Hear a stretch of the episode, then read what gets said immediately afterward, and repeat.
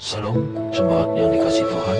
Hari ini kita kembali lagi mengikuti refleksi Gema. Sebelum kita memulai, mari kita bersama-sama membaca Alkitab sesuai teks dalam Gema dan membaca Gema hari ini. Tuhan memberkati.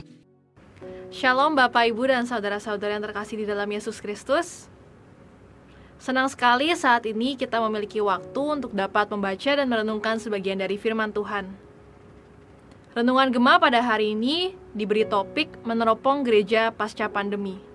Dan firman Tuhan yang terambil pada hari ini diambil dari Yeremia 6 ayatnya yang ke-10 sampai 21. Namun saat ini kita hanya akan membaca dari ayatnya yang ke-16 sampai ke-19. Sebelum kita memulai renungan pada hari ini, baiklah kita bersatu dalam doa.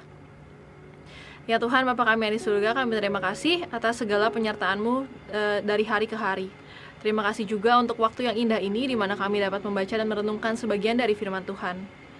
Kiranya Tuhan saja yang memberikan kami hikmat dan fokus untuk dapat mengetahui apa yang ingin Tuhan sampaikan kepada kami. Dalam nama Tuhan Yesus, kami sudah berdoa dan mengucap syukur. Amin. Saat ini saya akan membacakan Yeremia pasalnya yang ke-6 ayatnya yang ke-16 sampai 19. Beginilah firman Tuhan. Ambillah tempatmu di jalan-jalan dan lihatlah Tanyakanlah jalan-jalan yang dahulu kala, di manakah jalan yang baik, tempuhlah itu. Dengan demikian jiwamu mendapat ketenangan.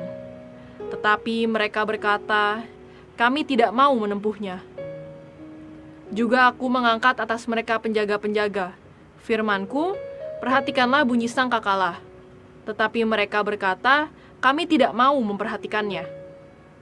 Sebab itu dengarlah hai bangsa-bangsa dan ketahuilah hai jemaat apa yang akan terjadi atas mereka.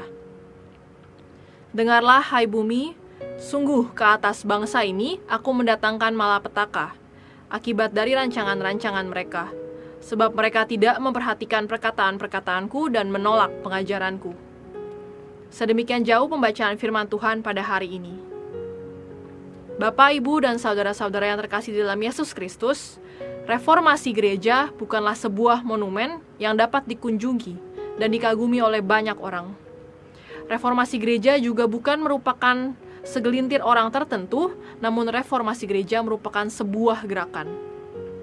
Hal ini senada dengan perkataan seorang teolog bernama Kevin Van Hooser.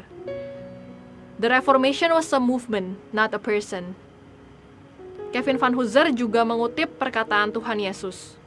Demikianlah pohon yang baik dapat menghasilkan buah yang baik, sedang pohon yang tidak baik menghasilkan buah yang tidak baik.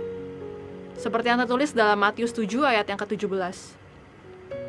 Bukanlah sebuah kebetulan jika pandemi saat ini menjadi ujian bagi seluruh gereja pada saat ini. Pandemi membuat orang menjadi malas untuk mengikuti kebaktian karena kebaktian pada saat ini dapat diakses secara online di mana pun dan kapan pun. Dari yang tadinya jemaat perlu menyiapkan waktu untuk mempersiapkan diri ke gereja, mengikuti perjalanan ke gereja dan untuk mengikuti kebaktian secara onsite, saat ini kebaktian dapat diakses online, sehingga jemaat sering kali tidak bersungguh-sungguh menyiapkan hatinya untuk mengikuti kebaktian. Tidak jarang jemaat pun mengalami kehilangan fokus di tengah kebaktian atau bahkan tertidur. Oleh karena itu, pada saat ini, dengan adanya beberapa gereja yang sudah memperbolehkan jemaatnya untuk mengikuti kebaktian secara onsite, saya menghimbau seluruh jemaat untuk dapat mengikuti kebaktian secara onsite demi lebih merasakan kehadiran Tuhan Yesus dalam setiap kebaktian yang kita ikuti. Apa yang harus dilakukan gereja pada saat ini untuk dapat tetap menghasilkan buah dengan kualitas yang terbaik? Caranya adalah dengan melakukan the ancient paths atau tiga jalan dahulu kala. Ketiga jalan dahulu kala ini bersifat bukan hanya untuk bernostalgia, namun membuat diri kita untuk mencerminkan diri.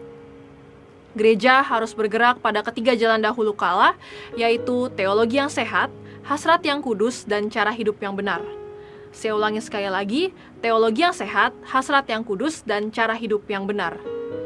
Dengan melakukan ketiga jalan dahulu kala ini, gereja diharapkan dapat menghasilkan buah yang baik tanpa terkompromi dengan sekularisme dan pragmatisme di dunia ini, yaitu cara hidup di mana setiap orang berpikir praktis dan instan untuk menghasilkan apa yang mereka inginkan tanpa mempedulikan apa yang benar.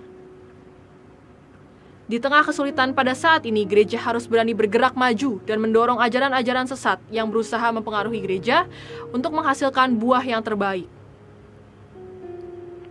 Kita sebagai jemaat Kristus harus hidup dalam kebenaran firman Tuhan.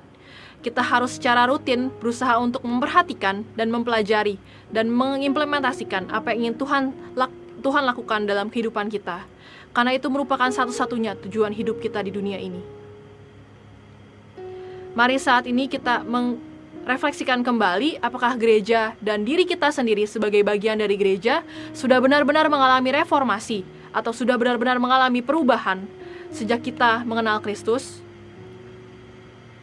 Mari sama-sama kita merenungkannya dan mencoba untuk merefleksikannya. Apakah hidup kita sudah benar-benar mencerminkan apa yang ingin Tuhan lakukan dalam hidup kita? Mari kita bersatu dalam doa. Ya Tuhan, Bapa kami yang di surga, kami mengucap syukur atas segala sesuatu yang telah Engkau berikan kepada kami. Terima kasih juga untuk uh, renungan yang bisa kami dengar pada hari ini. Kiranya Tuhan yang memampukan kami untuk menilik kedalaman hati kami, apakah kami sudah benar-benar memprioritaskan Tuhan dalam kehidupan kami. Tuhan juga mampukan kami untuk menjauhkan diri kami dari sekularisme dan pragmatisme yang sedang populer di dunia ini.